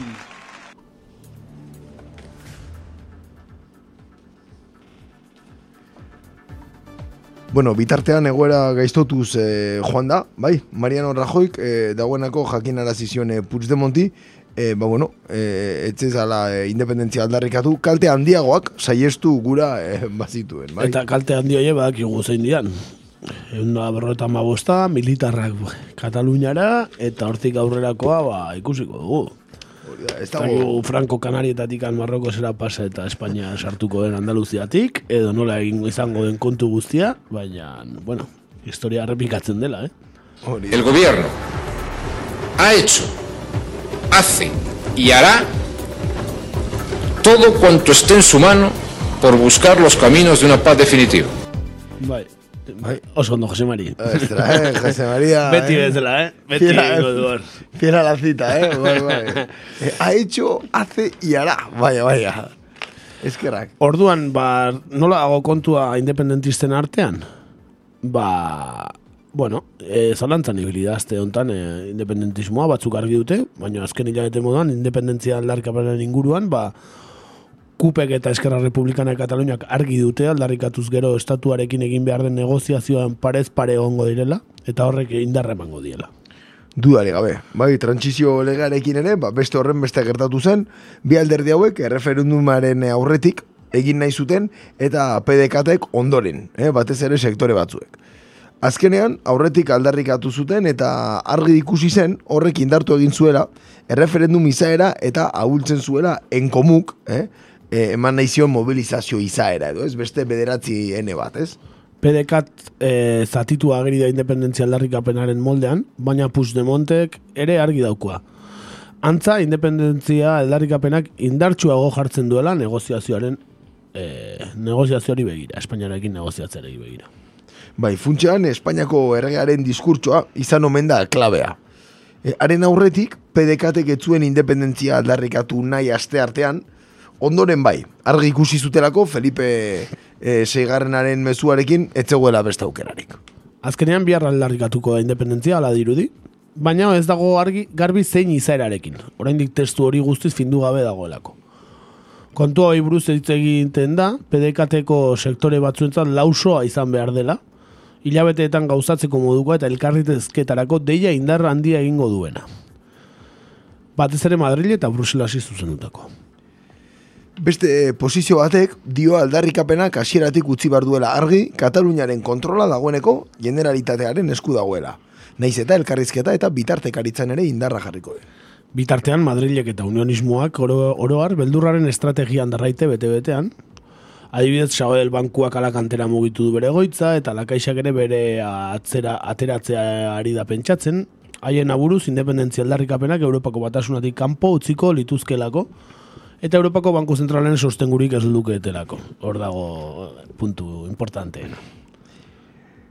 Orain goz, behintzat, e, gezur borobila da hori, ne, alabalitz e, horrek esan nahiko lukelako Europar batasunak Kataluniaren independentzia onartzen duela. Eta hori ez da bere gertatuko.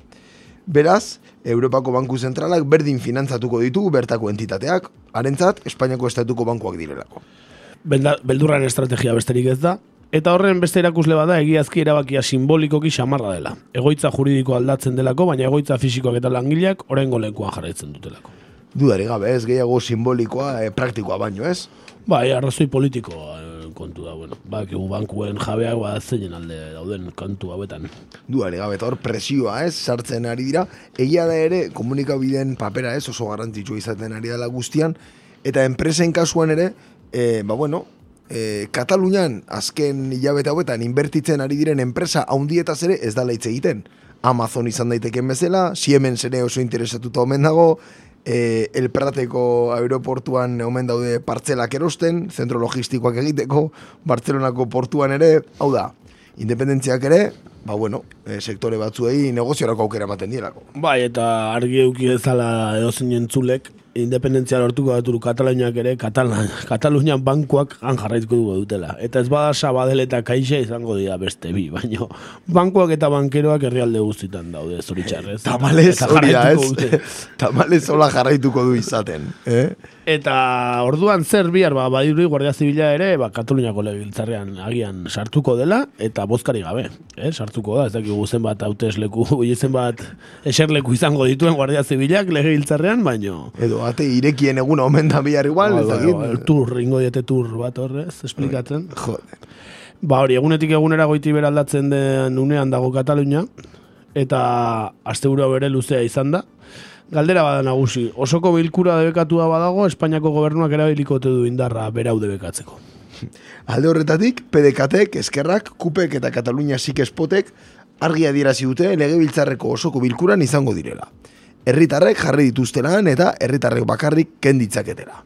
Joan den igandekoa ikusita, dena posible egunotako Katalunian, independentzia aldarrikatu ondoren, Espainiako gobernuak eundarrota garen artikulua jarriko du indarrean bost eguneko prozedura erabiliz, horretarako lehen lau hilabete behar zirenean, hori aldatu du Espainiako gobernuak, nahi duenerako aldatzen du konstituzioa. Lau hilabete behar ziren eundarrota bosta martxan jartzeko, orain lau egun besterik ez dira behar. Bai, nahiko azkar egite dituzte aldaketak nahi dituztenean. Informatizatu egin dute dana, bakizu, orduan, eh, lehen dana idazte zuten papelean fotokopia bialdiz, beste oain, oain dan, azkarrago, dijo. Lau egunera mozten dute epea eta listo. Ja, hasta idaz makinak ja, eh, almazenan utzi Hori da, dituzte. olibeti zarrak eta ja gorde dituzte. Jo, eh, bueno, txapo zorionak, eh, gai. Kataluniako legebiltzarrak erreferendumaren legea onartu zuen bezala, ba, demokraziaren aurkakoa zen erabat Espainiako iritzi publikoarentzat. Baina orain, Espainian inorkeztu zalantzan jarriko, eunda berrogeita garan artikuluaren prozedura aldaketa lengo lau hilabeteak bost egun bihurtzeko. Segi egitasun gerraren ondorioak bakoitzak bere abesten du. Hala da, hala da, eta beretan e, une erabakigarrian dago Katalunia aste honetan, benetan. Bai, bai, hogeita laborduko kontua izan daiteke ja, estatu independente bestela Mhm. Eta badirudi ba, aldarrikatuko duela independentzia, zerren horrek ematen dio posizio indartsuagoa Espainiarekin negoziatzeko. Dudari gabe, eta maila internazionalean ere ematen duen irudia oso sendoa da, ez? Aurreko asteburuko gertaeretatik, bai? E, ba, bueno, aldarrikapen horretara dagoen tarte horri, tarte horretan, bide horretan, herriaren babesa, ez? E, Babesaren irudia ematen du, are, areta gehiago bihar e, parlamentaren kanpoan jende asko biltzen bada. Hori aurre ikusi daitekelan koa Bai, dago. bai, bai, bai, bai, irudi. Katalanak aste hauetan ez, du, ez dira ez doaz lanera, eh? E, greba ez baldin bada, bestela, baina dana kalean, eh?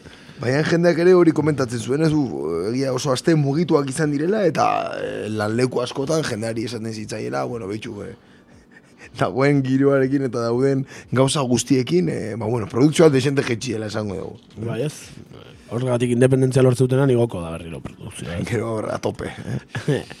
Ba, bakoitzak bere abesten du eta bakoitzak bere erantzunak ematen dituenez, ba, unionismoak eta espainiar nazionalismoak ere eman zuen bere erantzuna atzokoan Bartzelonan. Eta ze erantzuna.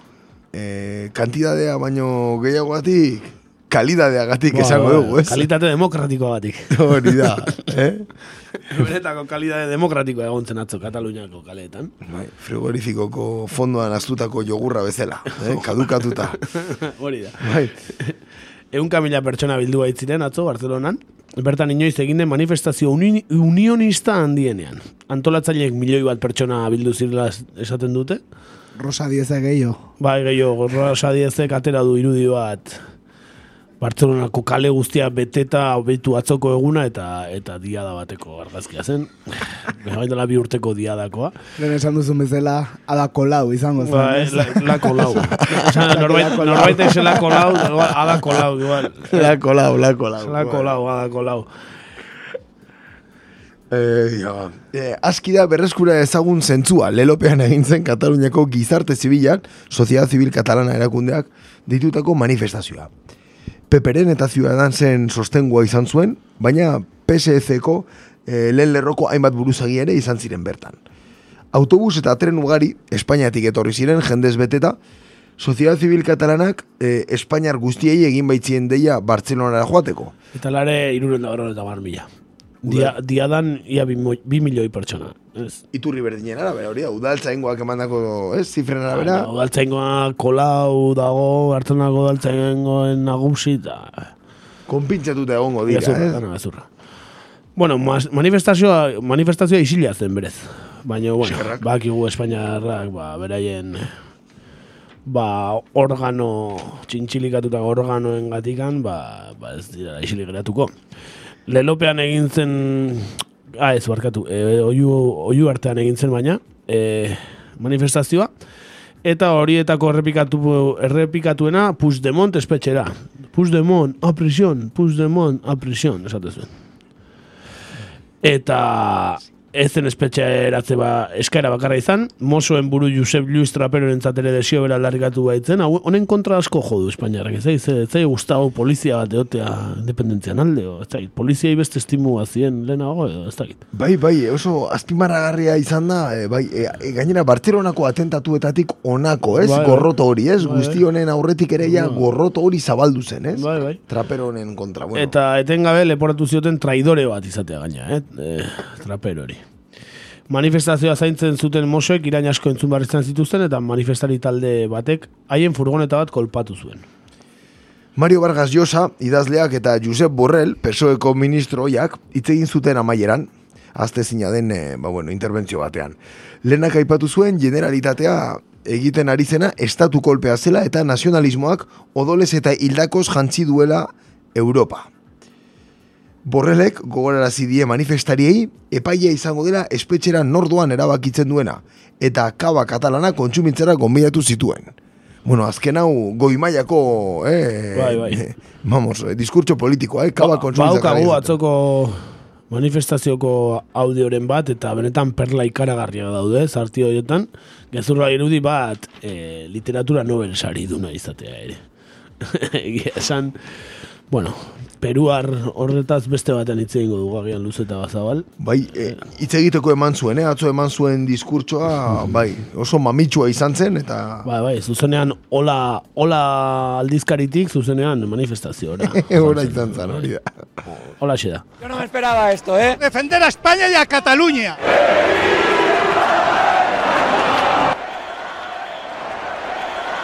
Y hay que manifestarse lo que hemos estado toda la vida callados. Yo creo que mucha gente que nunca se ha manifestado va con familias, va a manifestarse y a expresarse libremente. Mi padre no había ido nunca a una manifestación y ha venido hoy aquí. ¡Es España! ¡Cataluña! Quiero que estemos como antes, tr- tranquilos. España no se rompe. Lo que no es respetable es que se violen las leyes como se están haciendo. Ba, hola, xe, eh, hor zeu- hor zeuden, eh, benetako, benetako deklarazioak, eh?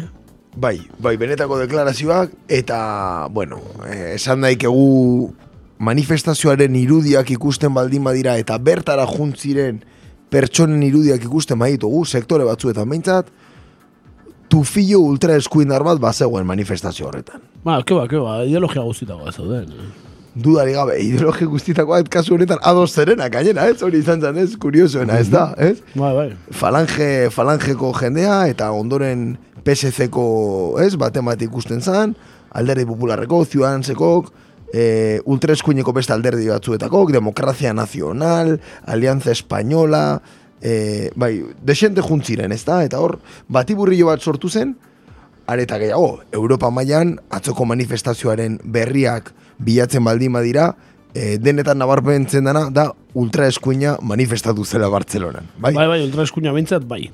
Eta amaitzeko, ba, esan, telebista non dago ere sarri izan zutela, eta telebistako langileak e, arazoak izan zituztela baien jarduna eh, aurrera eramateko, eta logori gabeko mikrofonak erabiltzea eta hart, e, hartu zuten erabaki modura. Telebista katalanak hainbat zuzeneko konexio egin zituen manifestantzioan zehar adibidez, eta EITB-ko talde batek ere ezin izan zuen bere lana behar bezala egin, teleberriaren manifestari talde bat mikrofonak entzen saiatu zelako ETB-eri ere. Bai, gaina guztiz mozkortuta zegoen manifestari talde bat, eh? Bai, bai. Lamentablea izan zan. Bai. Benetan lotxagarria, bai. Escucha! Escúchame! Hori bakarrik esaten zion da. Entzun aprobetxau, bai. entzun aprobetxau, siquiera fundamentuzko zerbait esateko. Escucha, escucha. Entzun ez da viva España, esa, o sea, eh, Esa- bai, escúchame! Hori bakarrik, bai. Eta, eta on- onartu barra dago kazetarik oso oso momentu txarra pasatu zuela. Bai, eh. bai, pff, Gizon horrek oso geizki pasatu zuen atzo. Bai, bai, bai, eske hoietako batekin jakizu, agian eh, golpeka azte zaizu.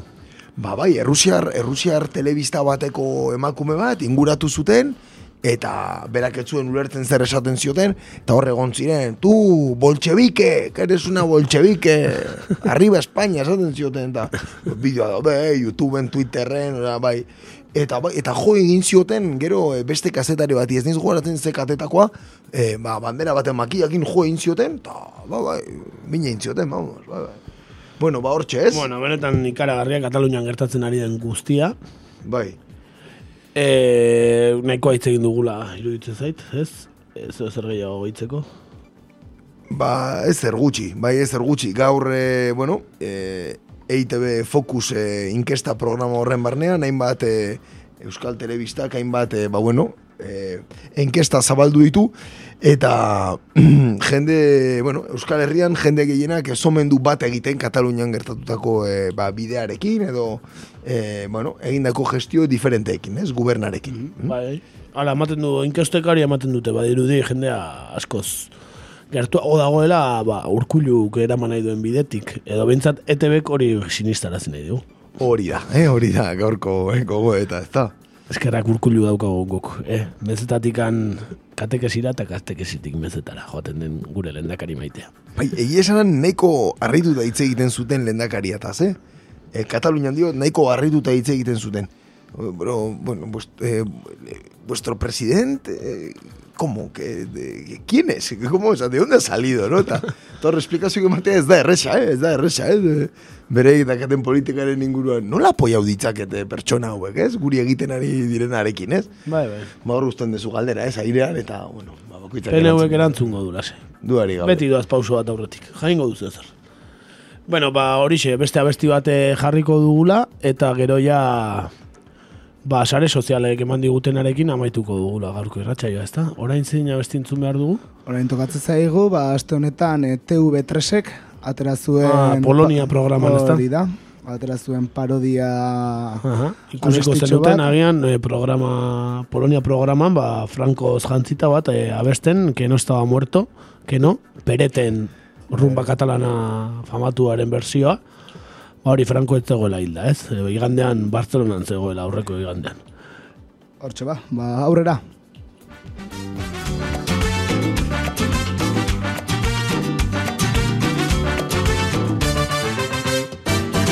El año 75, tras una mala semana, y para vergüenza del mundo, el Menta murió en la cama, después de muchas reuniones para arreglar el entuerto. Vino la transición y todos me dieron por muerto. Y no estaba muerto, no, no, hey, y no estaba muerto, no, no. Y no estaba muerto, no, no. Estaba el domingo en Barna, lere, lere, le, y no estaba muerto, no, no. Y no estaba muerto, no, no. Y no estaba muerto, no, no. Requísale, requísale.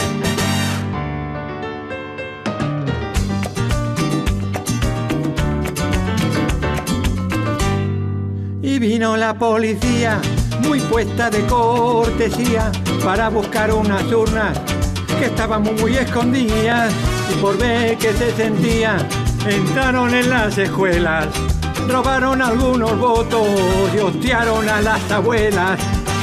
Y no estaba muerto, no, no, y no estaba muerto, no, no, y no estaba muerto, no, no, estaba salvando a España, le, le, y no estaba muerto, no, no, y no estaba muerto, no, no, y no estaba muerto, no, no, tú métele, tú métele.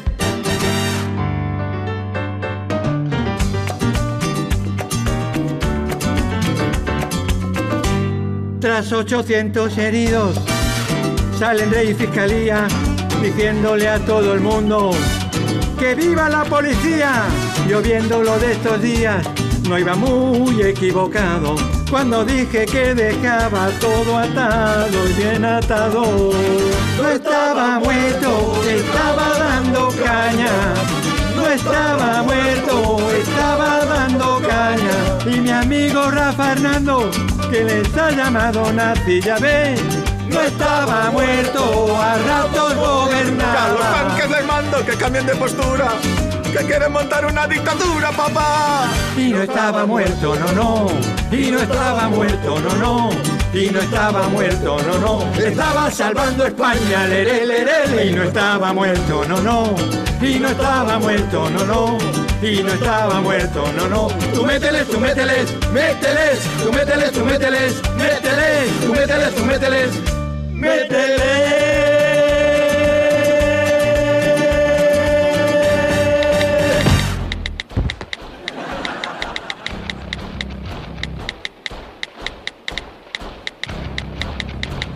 das deutsche Volk siegt ein!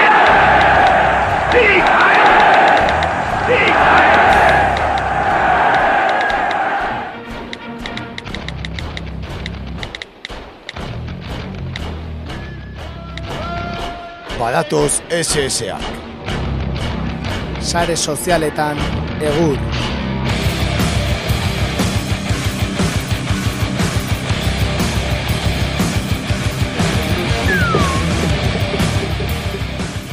Intro eta ana ondo gelditu da, ai, Kataluniarekin. Eh. A tope. Badirudi, bai. A tope, eh? Bueno, bai, ba, gaur sare sozialetako posto onenak dakarzkigu, eh, Kataluniarekin zer ikusia dutenak, ezta? Bueno, nik ezakit honenak izango diren, porque oso oso zaila izan da aukeraketa hori egitea, porque Baina, bueno, humorea gogotik eraman du jendeak, behintzat, ez?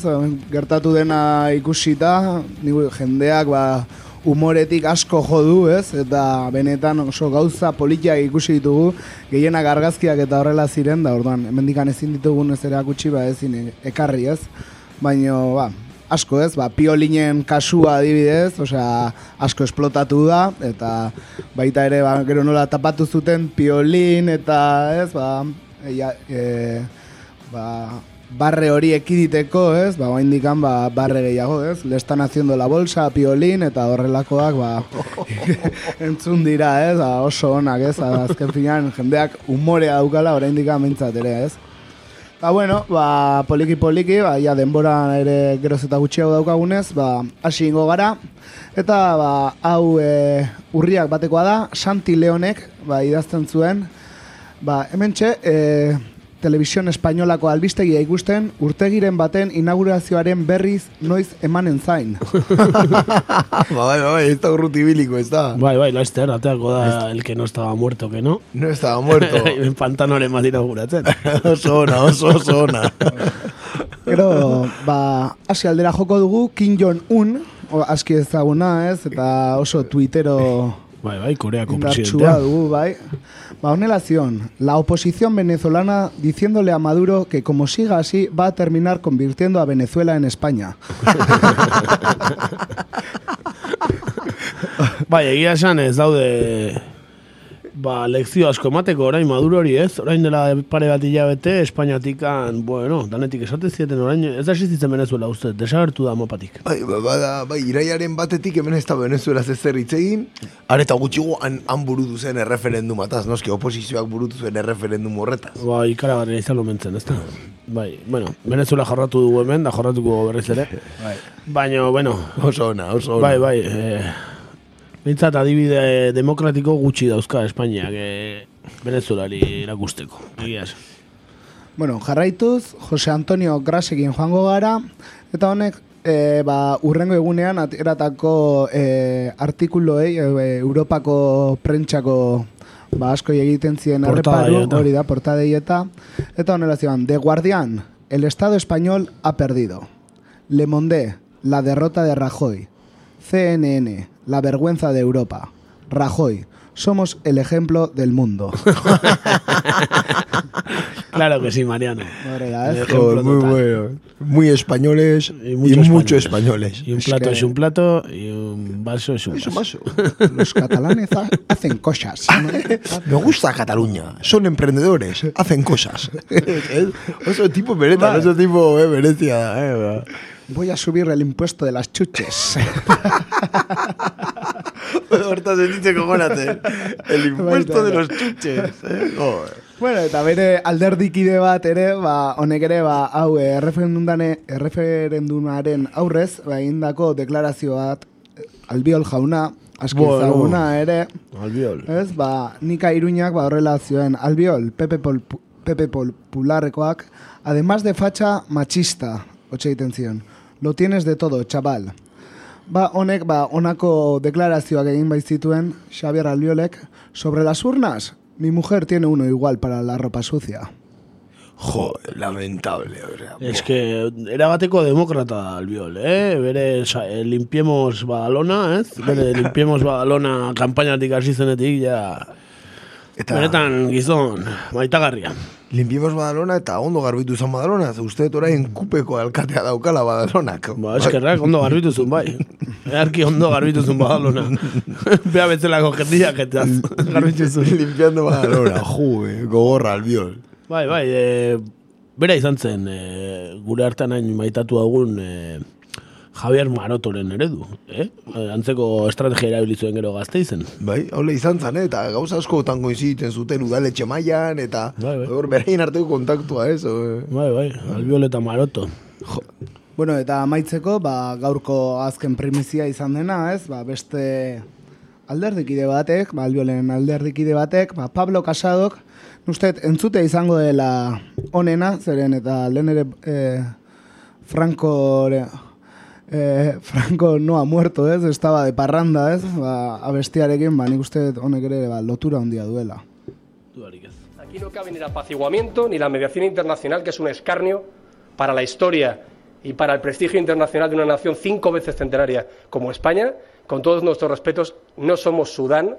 Con todos nuestros respetos, esto no es Yugoslavia. Nadie tiene que venir a mediar nada, porque no cabe mediación de España con España, porque Cataluña es también España en su parte esencial, hasta el tuétano. No tenemos nada ni que ceder, ni que mediar, ni que negociar con golpistas. E igual que el 23F, don Juan Carlos y toda la sociedad española no negoció ni con Armada ni con Tejero, está muy bien que el rey de España, Felipe VI, y que el presidente del gobierno ya hayan dicho que no hay nada que ceder ni que pactar con Puigdemont y con Junqueras, que son los golpistas de la Cataluña del siglo XXI. Por cierto, como la épica les arrastra y van pidiendo árnica, eh, vimos que el pasado día 6 pasó sin pena ni gloria el 83 aniversario de la declaración de independencia por parte de Compain. Yo creo que eh, la historia no hay que repetirla y esperemos que mañana no se declare nada, porque a lo mejor el que lo declare acaba como el que lo declaró hace 83 años.